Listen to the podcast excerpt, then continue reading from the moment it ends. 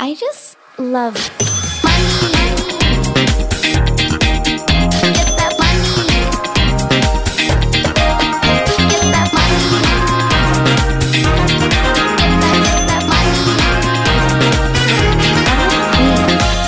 mandag og velkommen til en ny episode av Karrierekvinner podcast. Jeg vet ikke med dere, men jeg har en sånn skikkelig blåmandag, egentlig en litt sånn blåhelg. Bare sånn generelt, eh, Været liksom snudde litt og vært litt i sånn uggen form. Det har vært streik i barnehagen, jeg har vært sjuk. Jeg pleier jo alltid å liksom, ligge noen episoder foran, men det har jeg ikke gjort den gangen her. Så eh, dagens gjest hun eh, ble rett og slett med på sparket, og det er jeg veldig veldig takknemlig for. Dagens gjest er en helt fantastisk dame. Det er ei dame som jeg ble kjent med i eh, 2016. Vi kommer litt mer tilbake igjen til den historien. Um, hun er klesdesigner og så mye mer. Det her er en skikkelig boss-babe, en eh, supergründer. Hun eh, har eh, mange kule historier å fortelle. For å si det sånn, Hun og klærne hennes har stått på de største motescenene i verden. Og jeg har vært med! Hvor kult er ikke det? Dagens gjest er Pernille Fristad, også kjent som designeren bak klesmerket Kepasa. Velkommen, Pernille! Tusen takk! Å, så gøy å være med! Nå gleder jeg meg ekstremt. Å, det er jeg også. Jeg føler Det er så lenge siden jeg snakka med deg, selv om vi liksom er i samme fellesskap og har delt kontoret litt sånn hit og dit. og Pandemi, altså. Ja, jeg vet. Åh, pandemi. Åh, jeg håper det snart er over, men uh, Ja, Så vi kan vi eh, bare ses igjen snart. Ta en tur til New York, si. Oh yes! Det var kanskje litt internt for oss. oh, vi kommer tilbake igjen til det, men hallo, jeg kjenner jo deg, men du må jo fortelle lytterne litt. Hvem er Pernille Fristad? Uh, Jeg er 28 år, uh, kommer fra Bærums Verk uh, og er utdannet klesdesigner fra Esmod Oslo. Og kjole- og draktsyr fra Rud videregående skole. Eh, Så det er det man blir etter to år på design og håndverk. Okay. Akkurat nå bor jeg i Trondheim eh, med kjæresten min, så det er veldig stas. Eh, Og ja, driver klesmerket mitt Kipasa, som jeg har drevet siden 2012. Det er sykt. Eh, det er litt sykt. Jeg var bare 19 år da jeg starta, og da lagde jeg sånne små toalettmapper. Som jeg lagde på um, Som jeg solgte på min egen nettside, som jeg var veldig stolt av. Jeg har sett et par bilder av de nettsidene, og øh, det er bra man utvikler seg, for å si det sånn. Er det litt som å gå tilbake igjen og se på en sånn gammel Pixo eller MySpace-side? liksom? Ja. Det er litt som å se gamle bilder av seg selv når man er liten, med litt Oh. feil hårsveis og litt for mye dildal. dilldall. Så absolutt. Men Er det her noe du lagde på videregående eller på høyere utdanning når du gikk designskolen? På høyere utdanning. eh, Så når jeg gikk i andre klasse på Esmod, så var jeg veldig sånn Å, jeg har lyst til å bli eh, Eller drive for meg selv. Det var målet hele veien. Eh, Mhm. Så jeg liksom tenkte sånn Ja, hva kan jeg begynne med nå som ikke tar så mye tid fra skolen? For det er jo en skole som tar eh, 24-7 av tiden din, eh, og du jobber knallhardt for å bli ferdig og eh, overleve, som vi kaller det. Eh, flere som sier 'Å, har du klart Esmod, så klarer du alt'. Eh, Oi. så den, eh, det mantraen der går igjen eh, ofte. Så det, Men hva er det som gjør den skolen der så, så tøff? Jeg har hørt flere si det. Hvor, altså, 24-7, du tenker liksom studieplass. Når jeg studerte journalistikk, så var det sånn ja, Du kom kanskje skolen begynte kvart over to, da, så var du ferdig klokka fire. liksom. oh, nei, her er det totalt motsatt. Eh, Vi ler jo litt av det, fordi resten av skoleåret, eh, skoleåret er som et eksamen. Mens for eh, når vi har eksamen, så har vi, må vi være på skolen, og vi kan ikke ta med ting hjem. Så vi har jo fri i Hermegås i uh, en måned når vi har eksamen. Så vi er sånn Å, det er jo sykt chill. Resten av året er jo bare vår eksamen. Så eh, det er litt uh, motsatt, da. For vår del. Mm. Men det er jo fordi det er praktisk arbeid. Både design og modellisme da, som er sying. Så da må man være på skolen mye, i tillegg til at deadlines er korte. Så det krever mye, mye deadlines og mye jobbing for å rekke de, da. Men det er en toårig utdanning, er det det? Treårig. Treårig, ja. Wow. Mm, så siste året så lager du en egen kolleksjon. Så det var det året jeg følte jeg fikk liksom virkelig jobbet med mine eh, designmuligheter. eh, og virkelig fikk utviklet eh, hva Kipas er blitt i dag, faktisk. Så eh, det var veldig gøy. Kunne eksperimentere så mye jeg ville. Ikke bare gjøre oppgaver. Ja, fordi det, du har jo visse ting du må liksom lære deg. sånn typ, ja, Det blir litt sånn som alle utdanninger. Du må innom alle mulige temaer, og så kan du bestemme selv til slutt hva du liksom har lyst til å gjøre. Og så er det det du skal presentere? Er Ja. det sånn det fungerer? Ja. Det blir jo Men bare det- master, nei bachelor blir det jo på en måte da. Sånn Ja. at man, vi, eh, mange skriver jo sin bachelor, mens vi eh, både skriver og utfører den da, og lager eh, klær. Og så vi har vi en jury som bestemmer om vi har bestått eller ikke, og så i tillegg så har vi et moteshow da, som er um, stort, Uh, der de viser eh, alle kolleksjonene, og så får vi utlevert diplom, og det blir utdelt litt priser og litt sånne ting. Ja, for der gjorde du det skikkelig bra, gjorde du ikke det? Jo, da var veldig heldig der da, og fikk uh, gullnålen, som gis til den beste studenten gjennom de tre årene. Eh, Jeg forventet ikke den, og tenkte at nei, den har jeg ikke sjanse på. Jeg tenkte sånn, kanskje, hvis jeg er heldig så får jeg design, liksom. Det var den jeg var sånn, kom igjen, kom igjen. Og så bare, hæ? Jeg skjønte ingenting. Så folk måtte dytte meg ut, um, ut på scenen, for jeg liksom bare sto og så på alle. Alle sto bare og så på meg. Og så var det en, kjente jeg bare sånn dytt i ryggen som bare sånn Du må ut, Pernille! Du må ut! Og jeg bare Å ja! Hæ? Er det meg? Er det meg? Men du må jo ikke si at du er heldig, da. Herregud, du har jo jobba beinhardt for det. Du har jo vært dødsflink. Du er jo ikke heldig. Du er flink, rå, kreativ, dyktig. Altså Fy fader. Men det var da eh, på en måte designet til Kipasa ble født, for du har jo en veldig um, Altså, man kjenner igjen et Kipasa-plagg på gata.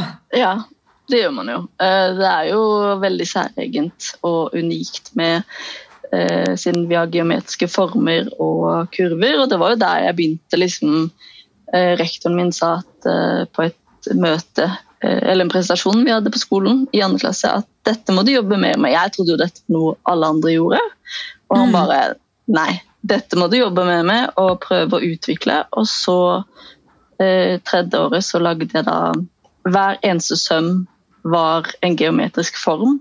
Så bare å sy skuldersømmen tok meg to timer. Det tar vanligvis to minutter.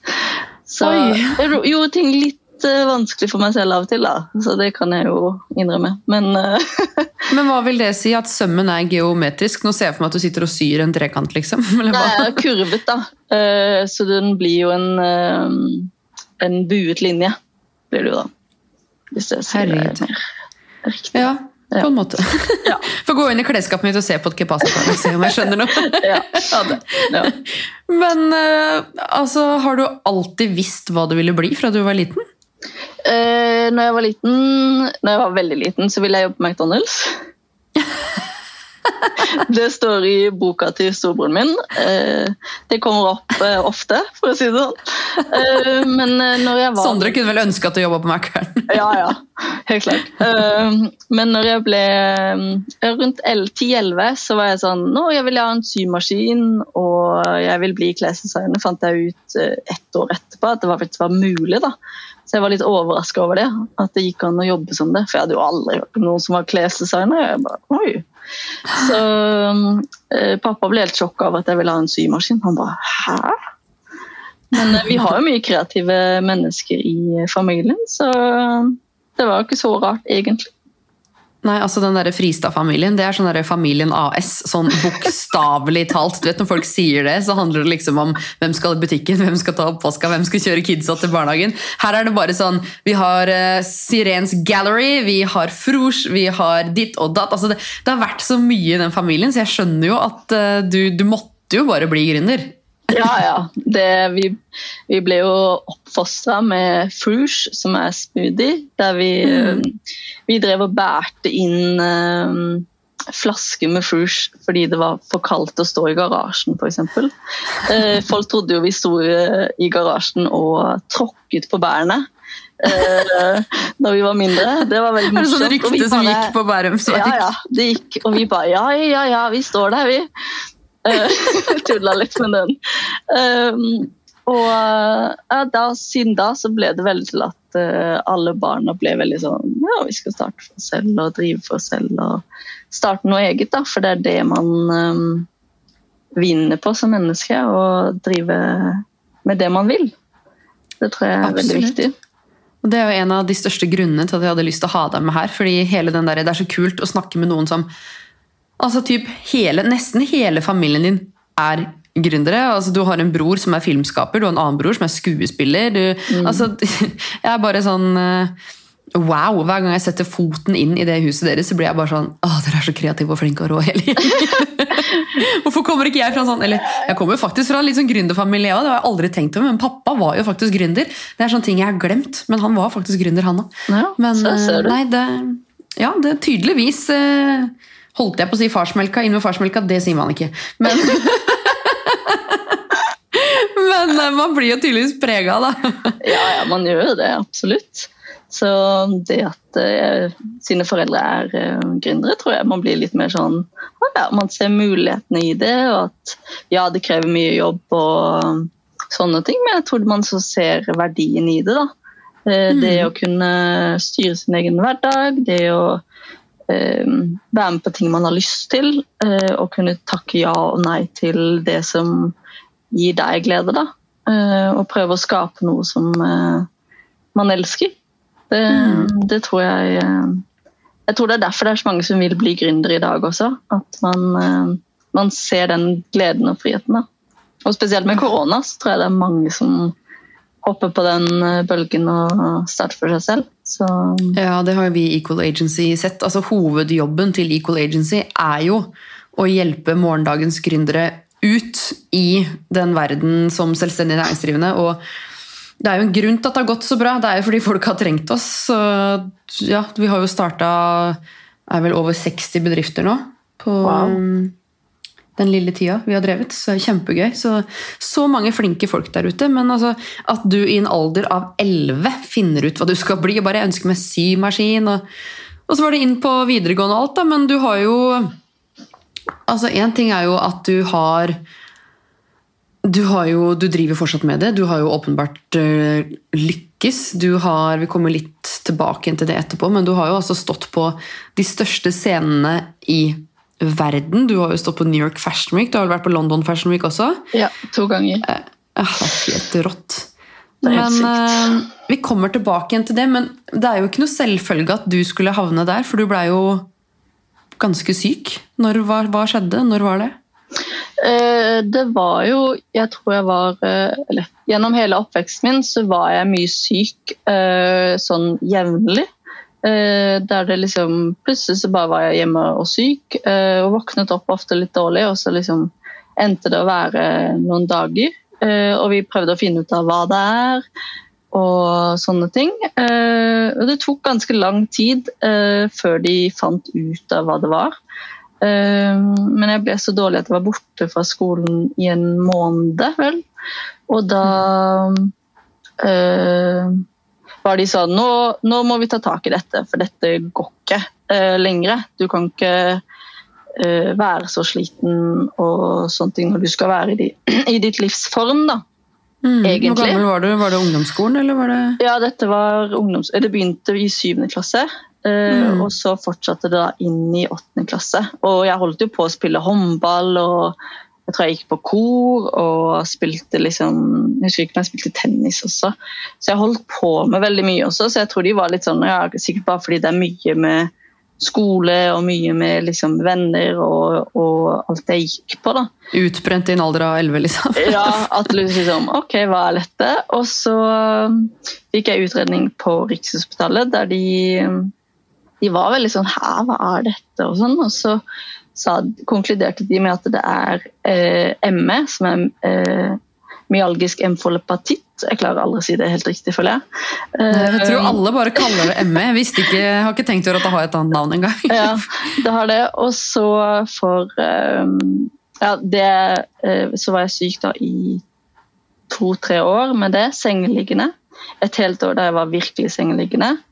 Um, og min eneste skoleoppgave var faktisk å se på serier på engelsk uten tekst. For at jeg skulle liksom lære meg noe, da. Uh, mens jeg var syk. Uh, det husker jeg var en veldig tøff tid med uh, Mamma måtte hjelpe meg med å Alt mulig, liksom. Alt fra å lage mat til å gå på do til å sånne ting. Men jeg, eh, legen min sa noe veldig lurt til meg, og det var ikke legg deg inn i et mørkt rom. Det var Nei, liksom for- det viktigste hun sa Yes. til meg.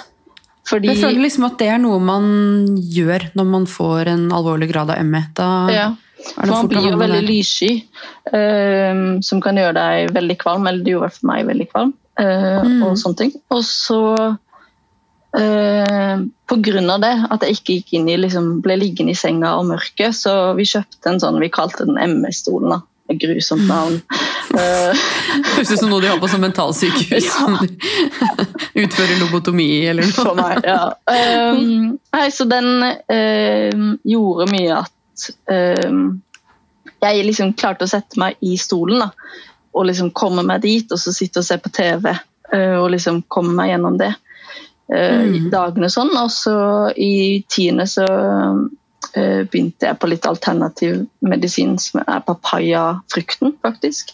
Det husker jeg Eh, du fortalte. Ja, eh, og det er jo veldig alternativt, så det er jo mange leger som sikkert eh, syns dette høres veldig rart ut, eh, og mange folk. Eh, men for min del så har det hjulpet veldig. Eh, og så ble jeg frisk, eh, friskere det året i 10. klasse, eh, og kunne begynne på videregående. Og da begynte jeg på designhåndverk, eh, som var min store drøm. Eh, og så har det jo på en måte det hangler jo litt, for jeg har jo merket det, jeg merker det jo fortsatt den dag i dag. Men jeg er så bra at jeg kan øh, styre hverdagen min med å drive et klesmerke, i tillegg til å Sånn som i dag har jeg vært på sykkeltur og klart det, liksom. Mm. Eh, men så inntil for to-tre år siden så fikk jeg diagnosen fibromyalgi. Um, så, og det er jo mye av de samme symptomene som ME, uh, med smerter i ledd. Um, og jeg hadde jo alt uh, som var på den lista, så det var jo litt sånn Oi, shit, uh, er det mulig, liksom? At eh, det er noe annet man har, men som er helt likt. Så mm, jeg sier at jeg har ME og fibromyalgi for å gjøre det lettest mulig, fordi de fleste vet jo at jeg har hatt ME, og så er det lettere å si fibromyalgi, på en måte. Men det er jo en sånn, ME er jo en veldig stor paraply med veldig mye forskjellig. Mm. Um, og den dag i dag så er det jo veldig forskjellig hvem som får diagnosen og ikke, og om man er deprimert eller ikke deprimert, og om det er kronisk eller ikke kronisk, og mye sånt. da. Så for min del så har det jo vært eh, mulig å leve et normalt liv, da. Så det, det er jeg veldig heldig. Det er jo mange som ikke er det, og det, det syns jeg er veldig trist. At, eh, Ja, jeg føler at det er en sånn sykdom som kanskje, ikke, eller som kanskje burde vært forska litt mer på. Fordi for det mer. første så Altså, det er en sånn diagnose som man enten er den vanskelig å få stilt. Du bare går kjempelenge og føler at du hangler og du får den ikke stilt. Eller så er det sånn når legene er på en måte tomme for forslag, så slenger de ME på bordet. Det Ja. føler jeg liksom har skjedd med ja, mange av mine nærme også, da, som bare har fått en sånn ME-diagnose slengt i fanget, for legene på en måte liksom har gitt opp litt og finne ut hva det har vært. Men eh, det trenger å forskes mer på. Men herregud, det, det året hvor du var liksom verst, da Nå har jo du en fantastisk familie som på en måte tvang deg ut til ME-stolen, holdt jeg på å si. Uff a meg. Men um, Jeg vil jo kanskje si hjelp. Hjalp. ja, ja, ja tvang, tvangstrøy og greier. Nå skal det mates. Men, um, men hvordan var det da å tenke på fremtid, karriere Når du var der, hadde du liksom nok med deg sjøl? Tenkte du noe mørkt på fremtiden? Hadde du fortsatt disse drømmene og planene om hva du ville? Eh, Ja, selvfølgelig. I perioder så var det jo veldig mørkt. Altså, jeg eh, trodde jo at jeg kom til å ligge der for evig og alltid, og at eh, jeg aldri kom til å ha en fremtid, og kommer jeg til å ligge her hos mine foreldre resten av mitt liv. Selvfølgelig går det gjennom tankene dine. Men så var jeg også veldig målbevisst på at jeg ikke skulle bli der. Eh, og det tror jeg var veldig viktig for min del, at jeg hele tiden drømte om ting jeg ville gjøre. Og um, det rare er jo at etter at jeg ble frisk, så var jeg jo veldig målrettet på alt jeg ville. Mm. Til nesten litt for mye. At jeg liksom bare Jeg skal få til dette, koste hva det koste vil. Fordi dette er drømmen min, og dette drømte jeg om når jeg var syk. Så da ble det nesten motsatt retning også. At uh, nå prøver jeg liksom å finne balansen i livet. Og det har jo tatt meg eh, jeg vet ikke hvor, hvor lenge det er, 15, 15 år kanskje, på å liksom bygge meg opp fra å liksom orke ting. Da. Når jeg var på mitt sykehus, så forklarte jeg det ofte med at uh, hvis jeg gikk opp og ned uh, trappen, så Mm. var jeg syk i fem timer. Eh, og bare lå i sofaen eller i stolen eh, rett ut, orka ingenting. Eh, og hvis jeg gikk på skolen i 30 minutter, så var jeg syk i fem dager og orket ingenting og hadde bare vondt. Um, så det er jo Det var jo veldig tøft. Jeg brukte, kunne bruke fem minutter på å kle på meg. Fem til ti minutter å kle på meg. Og det er jo en helt annen realitet i dag. Mm. I dag tenker jeg jo nesten ikke på meg at jeg kler på meg. ikke sant? Og det, Nei, Det er det, at, artig, ja, at det har vært en kamp. Men det er vel det at man setter så pris på det man ikke har. Da. Du hører jo om folk som ja, for eksempel, som kanskje aldri har trent i hele sitt liv, da, så blir de lam og alltid ønsker seg en joggetur. liksom. Mm, ikke sant? Og det er jo Men du hadde jo tøft. sikkert Ja, ja tøft, ja. Altså, jeg tenker Du må jo ha hatt mye tid på å tenke på hva du vil. altså Finne ut at hvis jeg kommer meg ut av det her Du Mm. vet på en måte hva Ja, mye tid til å tenke da, på hva du vil. Men eh, Ja, absolutt. Veldig mye tid til å tenke. og Jeg husker at det var mange netter jeg gråt meg selv i søvne fordi jeg enten følte at jeg ikke kom til å eh, kunne eh, gå på, på skolen med vennene mine, eller at eh, jeg ikke kom til å kunne leve et liv. At jeg kom til å måtte være ja, hos foreldrene mine på det samme rommet, eller alt mulig annet som man får inn i hodet sitt. Man blir jo redd for f.eks. For om foreldrene sine blir syke eller andre ting. Så man blir jo helt sånn derre Man blir jo litt lei seg av det i tillegg. Mm. Man går jo i sitt eget hode, og så er det viktig å snu det da, på til noe positivt. Og, og sitte og drømme også, ikke bare gå inn i det negative. Så mm.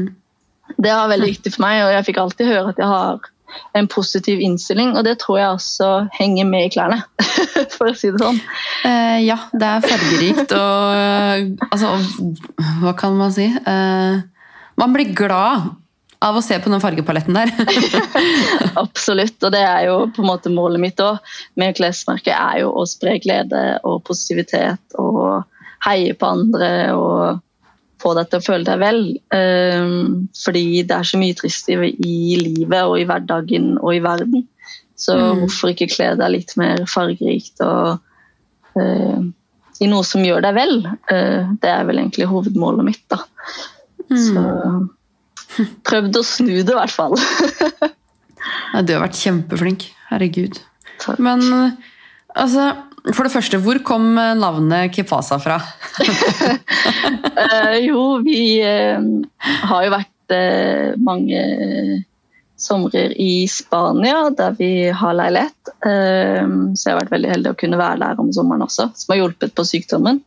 Mm. Og vi lærte ordet vashera, eller eh, kepasa, som det da heter. Eh, og gikk rundt og sa dette hele sommeren. Vi kan ikke mye spansk, men vi hadde liksom klart å lære oss det. da. Eh, og så skulle vi få en ny katt som eh, trengte et navn, og vi satt der i timevis, og liksom, vi var så drittlei, og alle bare ah, nå må vi finne på et bra navn, hvis ikke så går vi. Eh, og så sa jeg bare ja, hva skjer da, kan vi ikke kalle han det? Eh, eller Kipasa, da, ble det jo da. Og så alle bare ja, det tar vi, det var kult.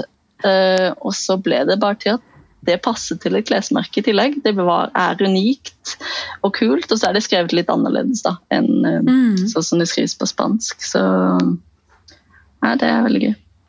Kepasa med K og Z, ja, det må folk sjekke ut. Men altså, hvordan gikk du En ting er at du gikk på denne skolen, um, men når du sitter liksom og Jeg forstår jo at du på en måte, du klarer jo naturligvis å si Jeg holder jo også på nå og designer egen kleskolleksjon, men jeg tegner jo. Jeg trenger jo ikke å sitte og sy noen protomodell eller noen ting. Men hvordan går du liksom fra en idé du har i hodet ditt, til et fysisk produkt som er trykka opp i i mange, mange produkter da, som skal ut og selges. Altså, hele den prosessen, Ta meg gjennom den prosessen. Til alle som ikke kan liksom, hele den der klesmerkereisen. Det er sikkert mange som hører på den podcasten her som tenker hvor fett hadde det ikke vært å starte et eget klesmerke? Men eh, ja, som sagt, du vet jo litt mer om hvordan man gjør det enn det kanskje veldig mange andre gjør. Ja, eh, jeg begynner jo ofte med et tema, da. Eh, så jeg leter alltid etter et tema som inspirerer meg mye, og som gjør at jeg kan tegne masse skisser, og som jeg blir eh, engasjert i. Eh, og så begynner jeg å tegne og skisse og alt det der. Eh, og så eh, begynner jeg å liksom, Det går litt tid mellom alt dette, da, så jeg blir jo litt sånn herre Å, er det eh, er det dette temaet, eller er det ikke dette temaet? Og så når jeg har bestemt meg, så blir det jo skissing, da. Eh, og så lager jeg målskjemaer og flattegninger. Så da lager jeg Jeg har sånne mm, skjemaer som er eh, med alle målene. Så fra skulder til skulder, eh, necklines, eh, kjoler og alt eh, man kan tenke seg som må med på et plagg. Eh, og både farger og mønster lager jeg også selv, eller som jeg bruker eh, mønster til min mor. så da sitter jeg og lager liksom hvordan det kan bli et på en kjole. Uh, og det går jo også en del i um, før-delen, da. Før jeg begynner å liksom, lage alt dette. Og der har vi flattegninger, uh, som er plagget flatt. Mm. Som er litt sånn rart å tegne, egentlig. For det, det ser ikke ut som et plagg sånn, sånn, som vi tenker et plagg, men det er liksom lagt flatt da. Eh, du kan tenke flat lay, f.eks. Mm. Uh, og så har jeg kan vi... ikke se for meg noen annen måte å tegne det, egentlig, men det finnes jo sikkert 3D-program. sikkert. uh, og så blir det alt det sendt til fabrikken vår i Litauen. Og så lager de første prøve, sender det tilbake igjen til meg. Jeg prøver det på en modell. Eventuelt så sender vi det tilbake igjen. 'Hei, du må fikse alt dette'. dette funker ikke. Og så um, blir det lagd uh, i SMS, heter det. Så det er jo da de klærne som blir vist på catwalken eller til messer eller til sånne ting. Uh, mm, så, SMS? Ja, heter det. Nå husker jeg ikke hva det står for. Uh, jeg sier alltid bare SMS. Uh, så den prototypen er det som blir vist på catwalken? Ja. SMS-en. Ja. Mm. SMS-en, ja. Da er, det, da er, det, en SMS jeg har fått i posten nå, da, når jeg har fått min prototype. Ja. liksom. uh, Eller vareprøve, heter det kanskje når det er klær. var, ja, vareprøve. Uh, og så er det den neste steget. Hvis noe er feil i SMS-en, så blir det en ny runde. Og da blir det Å, nå husker jeg ikke ordet. Uh, så det helt stille. Men det er et steg til hvis man da ikke er fornøyd. Og kanskje enda et, til og med. Uh, og så blir det produsert opp, da. I hm. mange antall. Så det er mye steg og endringer og ting som tar tid. Uh, både i syingen og i stoffmaterialer. Ja, det er også en ting jeg gjør i, i temaet, da som jeg velger. Mm. Mm. Men uh, hvordan, for eksempel, nå er jo moren din kunstner. Hvordan får du hennes maleri ned på klærne?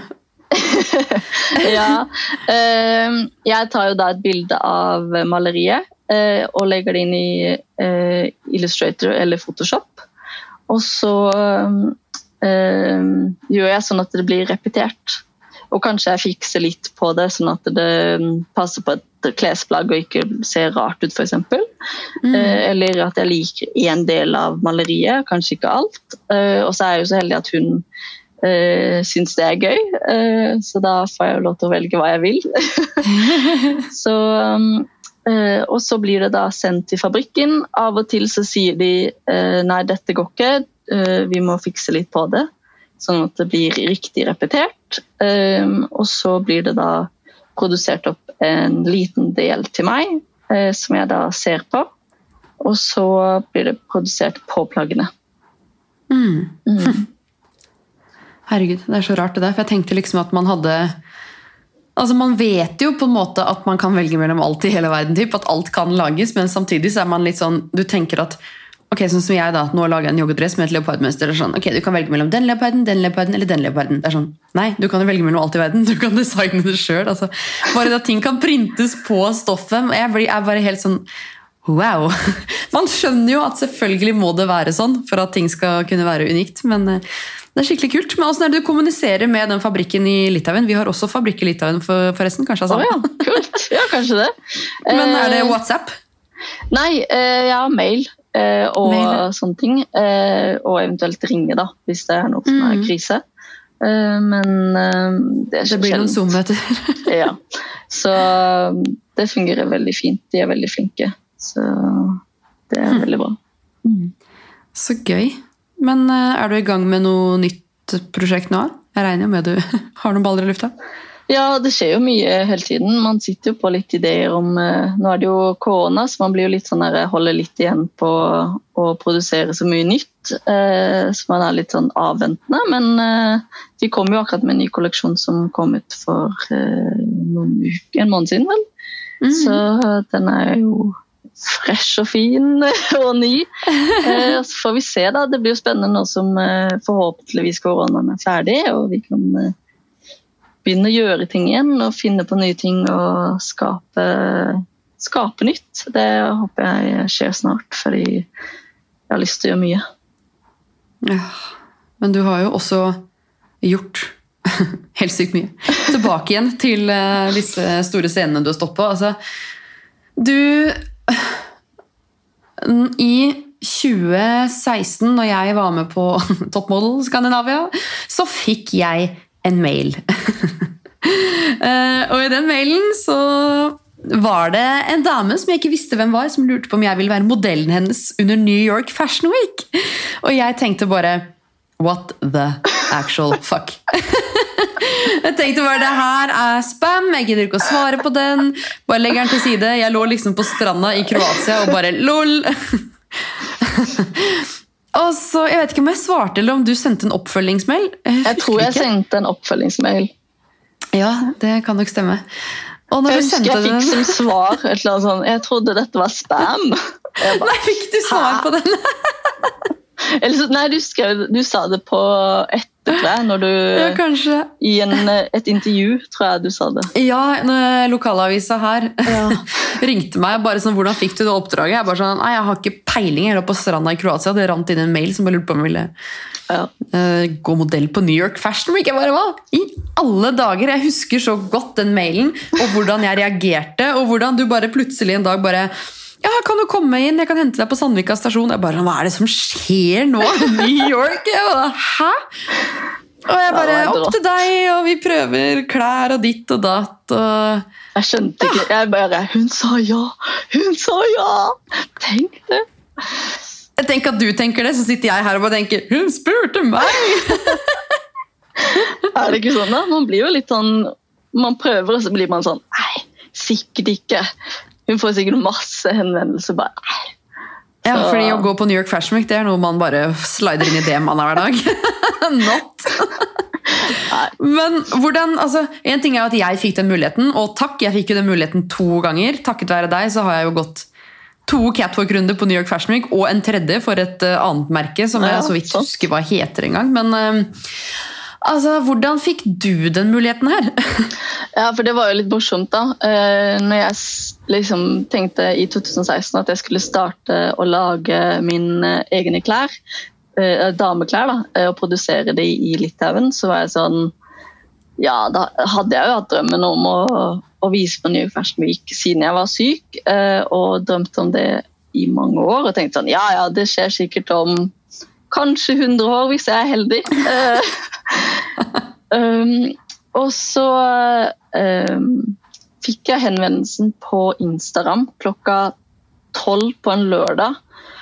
Uh, nei, eller enda senere, kanskje. Jeg lå i hvert fall i senga og scrolla på Instagram, og så kommer det inn en melding. Hei, har du, sjekk DM. Har du lyst Og så stod, gikk jeg inn på DM, da, selvfølgelig.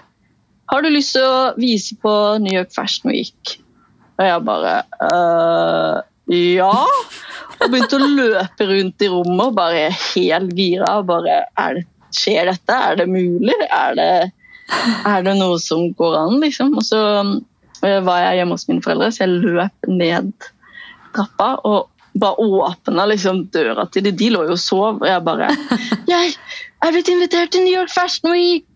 Og så bare smalt jeg igjen døra og løp opp igjen, så rakk, de rakk ikke Reagere. må reagere engang, for jeg hadde løpt opp og var helt sånn dirrende resten av, eh, av natta. Og så seks måneder senere så eh, viste jeg da for første gang eh, på New Fashion så det var, det var helt vilt. Jeg husker jeg sto bak der og hadde tårer i øynene og bare «Åh! Orker jeg dette? Tør jeg dette? Så ja, det var helt vilt. Nei, det var helt rått. Det er så kult å bare kunne si at man har gjort det. Det er litt sykt. Det er liksom du som designer, og jeg som var da reality-deltaker. Det er så sjukt random, men vi hadde det jo veldig gøy da, de to gangene i New York. Absolutt. Mye gøy. Vi hadde jo også med oss eh, Janni var jo med, som også var med Ja. på Model, og hennes familie, og dine venner og kjæresten, og min familie var jo med, og vi var jo en hel gjeng. Det var jo så Det var sånn gøy. stort, stor norsk sekt Ja. som bare tok over alle restaurantene og barene der nede. Åh, Ja, gud, det var så gøy. Og andre gang var jo også Susan og Idun også med, så vi var jo, vi var jo en god gjeng begge gangene. Så Ah. det er gode minner. Den ene gangen var vi jo Ja. Til dere influensere der ute, influenserspirer. Um, jeg hadde ikke mange følgere på Instagram da. Mange hadde jeg, 6000. Fikk sponsa to helikopterturer over Manhattan. Det var greit, det. Ja, det var veldig gøy, det. Herregud, ass. Men hvordan var, hvordan var New York Fashion Week for deg? For det, har jeg, ikke, det er lenge siden jeg har hørt. Jeg har veldig lyst til å høre hvordan det var eh, å gå. For det er jo like gøy å høre. det, det er så sykt, for når folk har spurt om det, så er jeg bare sånn Altså For det første så står du jo bak deg. Du får sminke, du får hår, du får på deg klær og sånn. Um, og det antrekket jeg skulle ha første gangen, det var jo så tungt! Du hadde designa det. Det var så tungt. Jeg hadde sånne Ups! Ja, sånne tjukke perler, tunge perler. Mm. Ja, Vannkuler som liksom hang ned fra skuldrene mine. Det var så tungt. Og så skulle jeg gå i gummistøvler. Um, og så husker jeg bare at for det første så er du jo, du er jo så spent og nervøs og bare hva i alle dager er det jeg har begitt meg ut på nå, liksom. Men så står du backstage der da, sammen med alle de sykt smashing-modellene. Du bare sånn, her kommer jeg fra Norge og bare ok. um, så står du jo der da, og ser på en skjerm, så ser du jo på skjermen at de andre går. Du ser lyset, du hører musikken, du ser folk som sitter og filmer og klapper og full pakke i publikum. Men når du først skal gå så Det merka du jo selv også når du skulle ut og liksom presentere deg selv på slutten. Du ser jo ingenting! Nei, det var det som ingenting. overraska meg mest. Så når folk har vært sånn 'Å, det må ha vært helt sjukt!' Jeg bare sånn Jeg så jo bare blits og lys. For det er det det er. Det er bare blits og lys. Ja, det er helt vilt. Det er sånn, jeg kunne gått i midtgangen på Kiwi i mørket, liksom, og jeg hadde ikke sett forskjell. fordi det er liksom... Det, det, jeg, ser, jeg så ikke mennesker. Hadde det vært hermetikkbokser eller mennesker, jeg så bare lys. Jeg. Men bare den der følelsen av å vite at hvis du tryner her, da er det på mange bilder og videoer, liksom. Ja, det er sant. Men det gikk Så jo bra. jeg var jo Det gikk gangene. dritbra. Ja, det gjorde det, og det var eh, Den første gangen gikk jo Altså, de andre gangene gikk jo bedre. Jeg var så nervøs første gang at jeg bare Oh my god. Jeg følte at jeg gikk sånn sånn nedover der i en sånn rar takt. Men nei, det var, det var en helt sinnssyk opplevelse. Bare den der feiringa når man kommer inn og bare 'Jeg er ferdig! Jeg har gjort det! Ja. Oh my god!' Oh, ja. Nei, det var helt Helt sykt. Fy fader, takk for den opplevelsen der. Og nei, og to ganger i tillegg. Det var helt eh, Helt unikt. Ja, virkelig. Men, eh, Takk for at du ble med. Herregud. Sykt. Altså, of course! Herregud, det er helt sykt. Gode Men minner. du havna jo også på London etterpå. Hvordan var det samme opplegget? Samme opplegget eh, med Da var det litt mer eh, Vi hadde Vi fikk lov til å ha med én sånn modell utenom, da. eh, som vi fikk lov til å ha med, og da fikk jeg tilfeldigvis Michelle Carr, som er en YouTuber, ganske stor YouTuber. Hun har en del millioner abonnenter på Oi. YouTube. Som gjør ut, sånn utfordringer eh, som, som hun egentlig ikke kan. På en måte. Altså sånn, hun gjør veldig Oi. mye sånn, hun trener opp til å kunne gjøre eh, sånne ting. Eh, så den, hun hadde da lett etter noen å, ha, å gå catwalk for. Eh, men hun hadde fått eh, nei av LA Fashion Week. Hun er eh, amerikansk, um, Mm. bor i LA. Uh, og så annonserte jeg at jeg skulle på um, London Fashion Week, og så uh, ringer venninnen min og bare 'Å, så sykt at du skal på London Fashion Week', og sånne ting. Og så sier hun 'Du, jeg jobber for en som uh, eh, har Altså for Michelle, da, som eh, har lyst til å gå catwalk. Og så spurte jeg jo da London Fashion Week om dette var greit, og de bare ja, det er lov. Hun, eh, og hun ble jo da den laveste modellen som noensinne har gått på London Fashion Week. Hun er 1,58. Um, så de lagde en eh, video, eh, eller en YouTube-video med det. da. Så det var helt sykt. Um, og den har Wow. blitt sett av jeg tror det var 6,4 millioner ganger, som er helt vilt. Uh, og jeg er liksom bare Hæ, hvor mange mennesker er det egentlig? Um, så det var utrolig stas. Um, og da også var vi en gjeng, uh, og hun ene um, ble helt starstruck av å møte Michelle, så jeg var helt sånn «Åh, Så gøy! Og hun også Herregud, syntes det var så så gøy. gøy å få oppleve og være med på, så det er veldig gøy. Heldig som fikk eh, en så stor YouTube-stjerne til å gå. Det, er så Heldig begge to, men? Ja, det er, det er faktisk eh, helt vilt, men så kult at hun var den laveste som noen gang har gått på London Fashion Week. Jepp, det er helt sykt. Og det, Det- burde de jo endre, da, syns jeg. da. Det burde jo være Ja, altså vi- alle mulig sånn- mangfold. Det, Ja, jeg fatter ikke hvorfor det liksom skal være For jeg snakka jo litt med de modellene eh, backstage på New York der òg, og alle um, som ikke var Sånn som deg, da, som kunne ta med deg egne modeller. Du hadde jo også mange modeller bare fra uh, castinga i New York der, men uh, jeg snakka jo med hun eh, ene som jeg fortsatt har på Instagram, faktisk. Hun sa jo det at hun fikk jo aldri jobber fordi hun var en størrelse Hva var hun da? 38, eller noe sånt? Mens alle de andre var liksom 32-34. mm, Eh, Jeg bare tenker på liksom, har vi ikke Det her var jo i 2017, da. Jeg tenker i hvert fall Nå så bør vi ha kommet litt lenger. Er det noe du føler at motebransjen følger den etter? For motebransjen er jo på en måte den som kanskje bare stritter imot hele det her Det der kroppspress og mangfold og alt det der. De skal stå på sitt, liksom. Føler du på en måte at de har vært eller er i endring, eller står de på stedet hvil ennå? Eh, Det er jo i endring, syns jeg, eh, men ikke nok.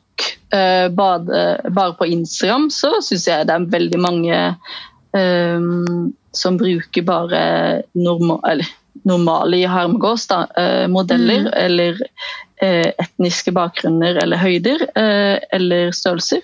Mm. Som jeg syns er veldig dumt. Jeg har jo alltid prøvd å inkludere forskjellige, eh, både med, med deg og med andre modeller, som jeg liksom skulle ønske også fikk lov til å gå. fordi du er jo like vakker som en som er en annen størrelse enn deg, eller en annen høyde, eller en annen mm.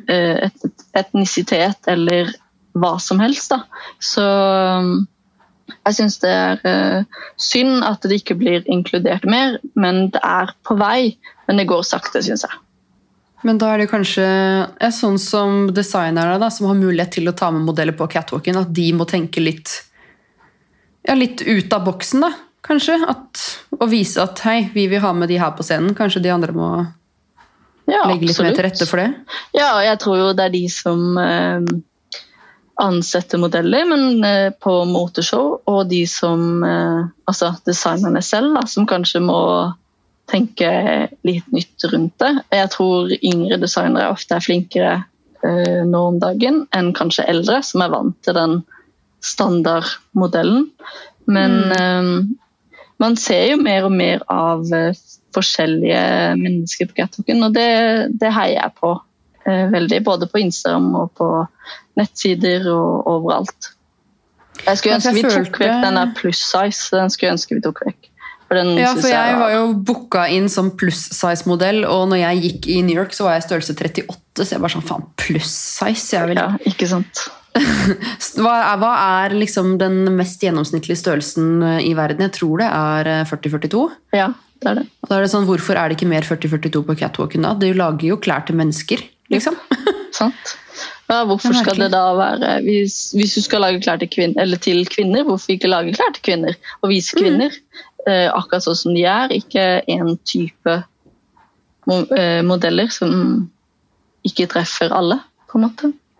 Nei, ikke bare det, men at de ofte, har jeg jo hørt, da, også fra Jan Thomas for så vidt, når han jobba som catwalk-modell i LA, at de booker kjempetynne menn, for de har ikke bryster eller hofter eller rumpe. Altså, Ja. hvorfor, hvorfor skal tynne menn selge dameklær? Nei, sant. Ikke at det er noen mann- og dameklær nødvendigvis, men jeg tenker liksom i gamle dager, da, når folk kanskje var litt mer på ja, den der stereotypen der, da, så tenker jeg liksom ok, det, her skal vi selge klær til damer, men det skal ikke være plass til pupper, hofte eller rumpe i den kjolen her. Gratulerer med å selge til 10% av befolkningen. Jepp. Det er jo fordi det er lettere, eh, sånn at eh, man slipper å sy mye om, da, sånn som på catwalk-shows eller sånne ting. Men eh, det er jo litt sånn hvorfor Ja, ok, greit, kanskje det er vanskelig å eh, passe akkurat til den modellen eller sånne ting, men eh, man må jo ofte uansett gjøre små justeringer eh, eller få modellkortene før. Det får jo jeg også. Jeg får jo alltid modellkortene før. Det er jo ikke alltid jeg får riktig modell, alltid, så det er jo noe med det òg. Men eh, man finner jo løsninger. Jeg har jo hatt, alltid hatt med klær som er kanskje en større størrelse, bare for å være sikker. Og det tenker jeg at det er mange som burde tenke på at uh, når man har et catwalk-show, at alle ikke er en én størrelse. Måte. Det gjelder jo selv om hvis vi hadde vært samme eh, størrelse, så er det ikke sikkert uh, plagget hadde sett likt ut. Fordi du har kanskje mer pupper, jeg har kanskje mer hofter eller rumpe eller et eller annet. Da. Så selv om vi har samme mål, så er det ikke sikkert vi er like heller. Så det er jo veldig Det er jo vanskelig med klær, og det tror jeg mange føler. At det, det er jo en, en smakssak i tillegg til hva kroppen din passer og du liker. da. Mm. Så, men jeg prøver ofte å tenke mer på kroppstyper enn på størrelse, da. Ja, for det er jo også veldig forskjellig. Men du designer jo klær som er veldig feminine. Da. Det er jo veldig eh, runde former. Eh, så jeg vil jo si at uansett hva man tar på seg kebasa-plagg, så fremhever man jo det fine. Det er jo mye, ja, mye fine midjebelter, fine belter. Altså, og de, å, jeg, du vet, jeg elsker de der flagrende buksene dine. Åh! Den jeg bestilte av deg, var det i fjor eller forfjor? Den er blitt for stor. Jeg bare, fader rulla. Ah. jeg må få sydd den inn. Jeg må få sydd den inn, bare. ja, ikke sant? Jeg.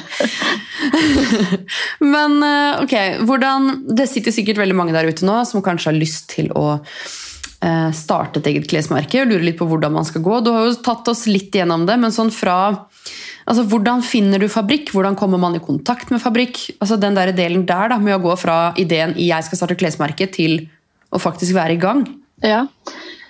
Eh, Jeg begynte jo i det små, så for min del så vil jeg anbefale det. Jeg begynte jo i veldig smått, men likevel så tok det meg mange år før jeg liksom begynte å tørre å gjøre det. Jeg tror for min egen del at eh, det å gi meg selv mange år gjør det mye lettere. eh, Fordi du det ikke er forhastet. At du tar deg tid til å liksom finne fabrikker og bruke god tid på uh, hvordan du vil at merket ditt skal være. Hva er kostnadene på det? Hva er, uh, hvordan vil du at merket ditt skal fortelle mennesker, og hva skal de føle? Altså, det er jo alt altså, altså Det er jo så mye å starte et klesmerke. Um, og det er jo lenge siden jeg har gjort det, så nå begynner det å bli litt sånn øh, Hvordan var det jeg begynte? Men uh, jeg var jo heldig at jeg uh, hadde kontakter gjennom skolen min. Uh, Og jeg vil jo anbefale deg, hvis du vil bli klesdesigner, å begynne på en, en moteskole, hvis ikke du er heldig, da, sånn som du, Benedicte, som, kan, som har mulighetene til det. Eh, Mm. Eller så er det jo mange som starter i det små og som gjør det veldig bra. og det Sosiale medier gjør det jo helt annerledes enn det det var da jeg begynte til med. Da, da hadde vi jo ikke Instagram engang. Nei, 2012, hva var det? Hva? Ja, ikke sant? Eh, så det er jo først nå det liksom har begynt å bli sånn Eller det er så stort.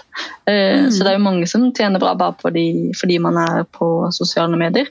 Så mm, man må ikke starte på en motskole for det, eh, men det kan være lurt å sette seg inn i veldig mange ting. Eh, Sånn som økonomi. eh, Er denne fabrikken bra? Dra og besøke de. Prøve ut og lage plagg med de. Mm. Og kanskje prøve forskjellige fabrikker også, ikke bare én eller den første. Og teste ut, fordi det mange ikke vet, er at prøvene koster ofte dobbelt eller Ja. nesten tredobbelt fra hva selve plagget koster å produsere. Mm. Eh, og det var jo litt sånn Å ja, det gjør det, ja.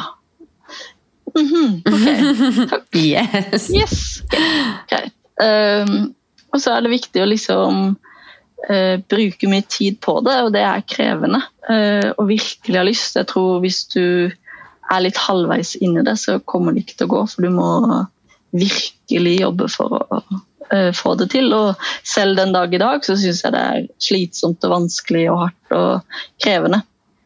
Mm. Og bruke mye tid på å tenke og kanskje det og kanskje ikke det. og uh, Alt gir ikke penger inn, og det er jo også en skummel ting. Jeg jobbet ved siden av i to år i klesbutikk. Når jeg lagde eh, kolleksjoner. Jeg har gjort mye annet i tillegg. Vært med på filmer og lagd kostymer og uh, sånne ting for å liksom uh, bidra til å styrke min uh, min utvikling og penger inn. Da. For det er, Mm. ikke, det er ikke lett å drive klesmerke i Norge. Og jeg har vært mye i utlandet og ser at det også er vanskelig, fordi du sitter i et annet land og så skal du selge klær i New York eller i London, og så er det sånn Ja, men det beste hadde jo vært om jeg var der og kunne arrangert en fest eller um, fått folk til å komme og være med, eller ikke sant, sånne ting. Så det er mange utfordringer på veien man ikke tenker over. Ja, og så er det jo som, som du sa da, mange hensyn å ta. Hvilken, altså det å bestemme seg på forhånd, hvilken kundeavatar vil du ha, og ikke tenke sånn eksempel jeg da, som har uh, følgere på Instagram. det er sånn, En ting er liksom, ok, her har jeg mange kjøpere, men er det de jeg vil skal kjøpe klesmerket mitt? Eh, I mitt tilfelle så er det jo gjerne ofte det. Um, men tenke hvilken kundeavatar vil du ha? Eh, Hvilken um, pris vil du legge deg på? Det har jo mye å si hvilken kundeavatar du vil ha. Du, du treffer kanskje ikke 17-åringene med klesplagg til 4000 kroner. Um, og det her med miljøhensyn, hvilke sertifiseringer, hvordan skal mm. produksjonen være.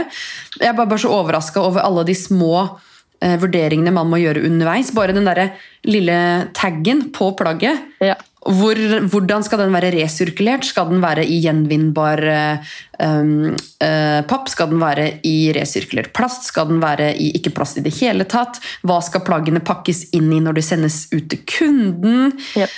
Altså, og så mye hensyn å ta. Ikke bare det, da, men vi er jo også veldig opptatt av eh, fabrikken. Eh, vi hadde jo ikke lyst til å altså, Jeg hadde aldri gått med på et sånt der Bangladesh-prosjekt. Heller. Eh, det her er jo sterke kvinner. Det er en kvinneeid fabrikk. Det er kvinner som eier, kvinner som driver. Det her er liksom sterke, Har, har kule damer. Da. Jeg tror vi har samme fabrikk. jeg. Nå, dette, dette, må, dette må vi snakke litt om. Ja, ja. Dette høres ut som min fabrikk, skjønner du. For de også er det. De er kvinneeid og drives av kvinner og sånne ting, og det syns jeg er så rått. Ja. Og så er, det, bare- er det jo begge tingene eh, Fabrikkene er i Europa. Det er jo også en ting som gjør at kostnadene går opp. Eh, Mm. eh, Frakten går ned, og miljøutgiftene går ned, men prisen går opp. Og det hjelper også å bidra til eh, arbeid i Europa. For det også Mm. er jo altså Spesielt i Litauen så er jo arbeidsledigheten høy. Og da er det jo viktig å kunne bidra i sitt eget område, da, hvis du kan kalle det Europa-område. Um, og ikke bare sende alt til Bangladesh. Og så, Fordi det er billigere? billigere. Fordi det er billigere, og, Og at ja, de, man hjelper der også, men kanskje der uh, jobber de i 16 timer og sover på bakken og får ikke lov til å gå på do eller blir um, tvunget til å sitte der. Mens i Litauen så har de god levestandard og blir respektert og kan være hjemme og syk når de er syke. Eksempel. Mm. Det er jo Litt mer, eh, litt mer 8 til 4 og norske forhold og ja. Nei, det er mye hensyn å ta, så man må jo bare satse på at man treffer den eh, gruppen da, som er like opptatt av det her med ja, eh, arbeidernes helse, miljøhensyn og hele den pakka der. Fordi det er jo lett å gå på HM og kjøpe seg en joggedress til 200 kroner, men hva er det du egentlig betaler for? eh, sant. Så, Og det er ikke sikkert at hvis du kjøper det plagget, så kanskje du har lyst på et nytt plagg gjennom to uker fordi det satt ikke helt riktig, f.eks. Mm. Og da kanskje kaster du det, og så har du brukt 200 kroner som ikke var til nytte, f.eks. Eller at det ligger i klesskapet ditt i mange år og aldri blir brukt. Så um, jeg tenker um, det er lurt å ta litt mer bevisste valg mm, rundt klær. absolutt. Og hvorfor skal klær koste like mye som en bagett? Ja, nei, det er helt sant. At man kan få liksom Du går inn på Primark, så får du T-skjorter til sånn 15 kroner og sånn. Ja, jeg har vært der inne, og jeg blir, jeg blir helt gal. Jeg, bare, øh, jeg kan bare legge ned hele merket mitt, for dette er jo bare helt galskap. Men man kjenner jo også på kvaliteten, da. Og Ja, samvittigheten. ja, absolutt. Men man blir jo litt sånn øh, Ja, dette kan ikke jeg sammenlignes med i det hele tatt. Men hvor Uff. bra er det for arbeiderne? Kanskje ikke spesielt bra. Nei, jeg skulle gjerne dykka litt mer inn i Primark og hva de egentlig driver med. For at de kan ha de prisene, det er jo helt sinnssykt. De konkurrerer jo ut alle de billigste billigkjedene. Så det er sykt. Men uh, altså Jeg har jo hørt av typ alle jeg kjenner som driver klesmerke, at man blir ikke rik på å drive klesmerke. Det er eh, Man kan kanskje leve av det, det går rundt, men det er ikke noe man liksom blir rik på, med mindre man starter eh, en eller annen sånn type white label-kjede eller en type B2B eller Minto, Nelly, Naked, eh, sånt opplegg. Og kjøper noe klær og setter merket sitt på det. Men eh, hvordan har det gått med deg nå? Er det sånn at du fortsatt må ha deltidsjobber for å være sikker på at ting går rundt? Jeg har ikke deltidsjobber eh, nå. Eh, det sluttet jeg med for noen år siden, men det er ikke mye Det er helt ok. Eh, Mm. Jeg skulle jo selvfølgelig ønske det var en milliardsuksess, eh, og at man fikk eh, mye igjen for alt, all jobbingen. Men Mm. så er det jo drømmen min, og det jeg har drømt om mye av livet mitt. Og det glemmer man jo, eller det glemmer man ikke.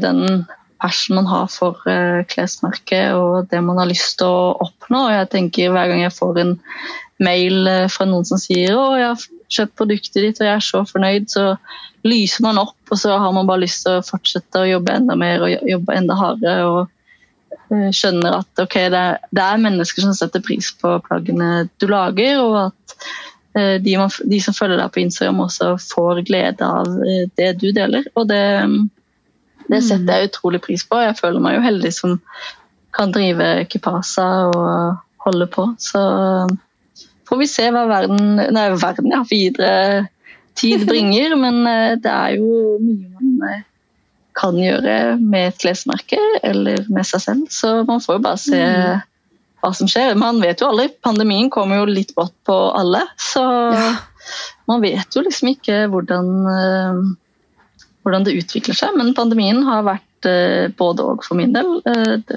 noen perioder så er det veldig bra, og andre perioder så er det veldig tregt. Og da er det sånn Hallo, Mm. jeg eksisterer! Hvordan kan folk se meg?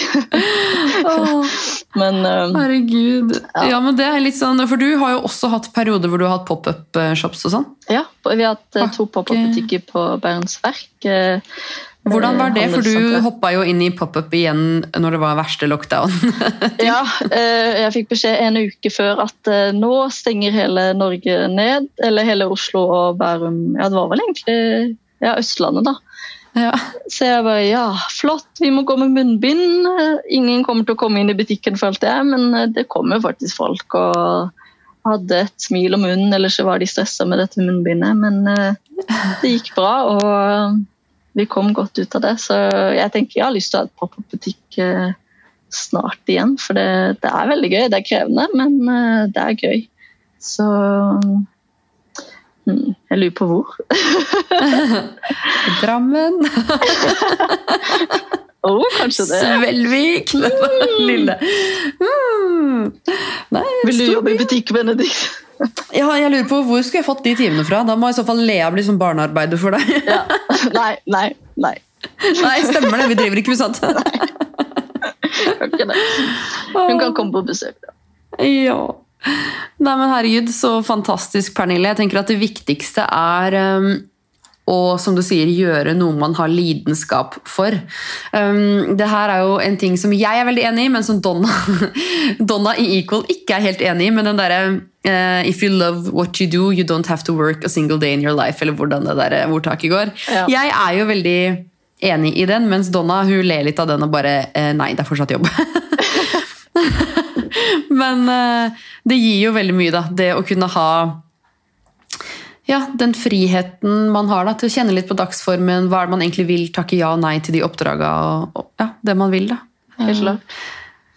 Jeg Heller tror også det. Ja, jeg tror eh, vi burde leve litt mer eh, sånn som vi ønsker. Ikke bare etter hva jobben vil, eller hva Mm. som er riktig.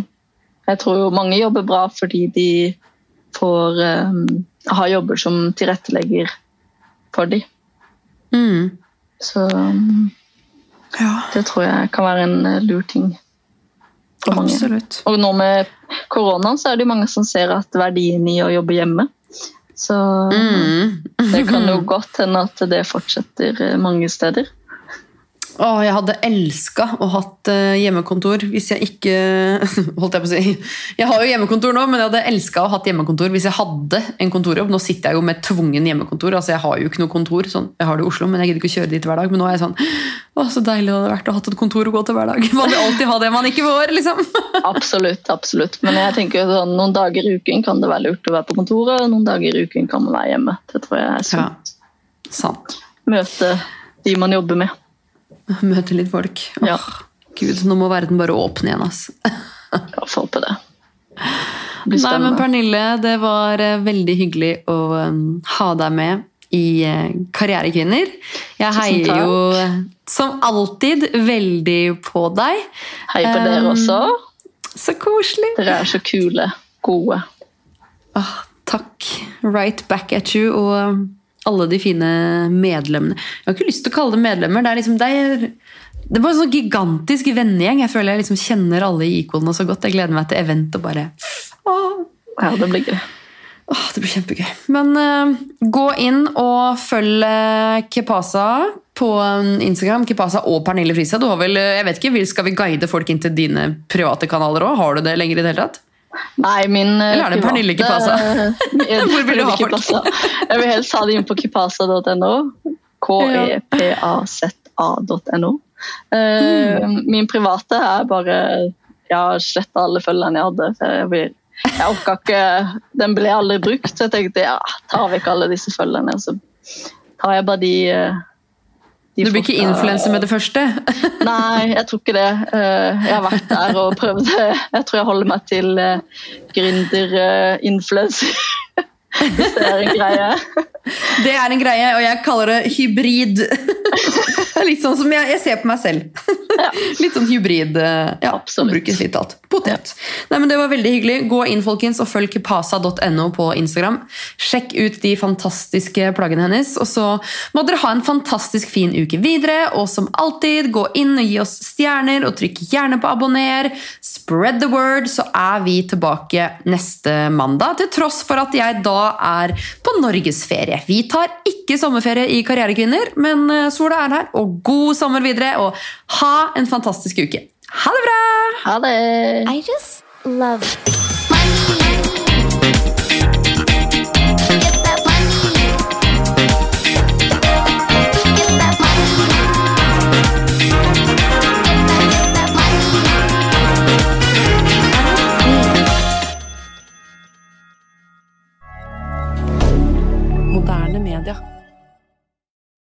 Har du et enkeltpersonforetak eller en liten bedrift? Da er du sikkert lei av å høre meg snakke om hvor enkelt det er med kvitteringer og bilag i fiken, så vi eh, gir oss her, vi.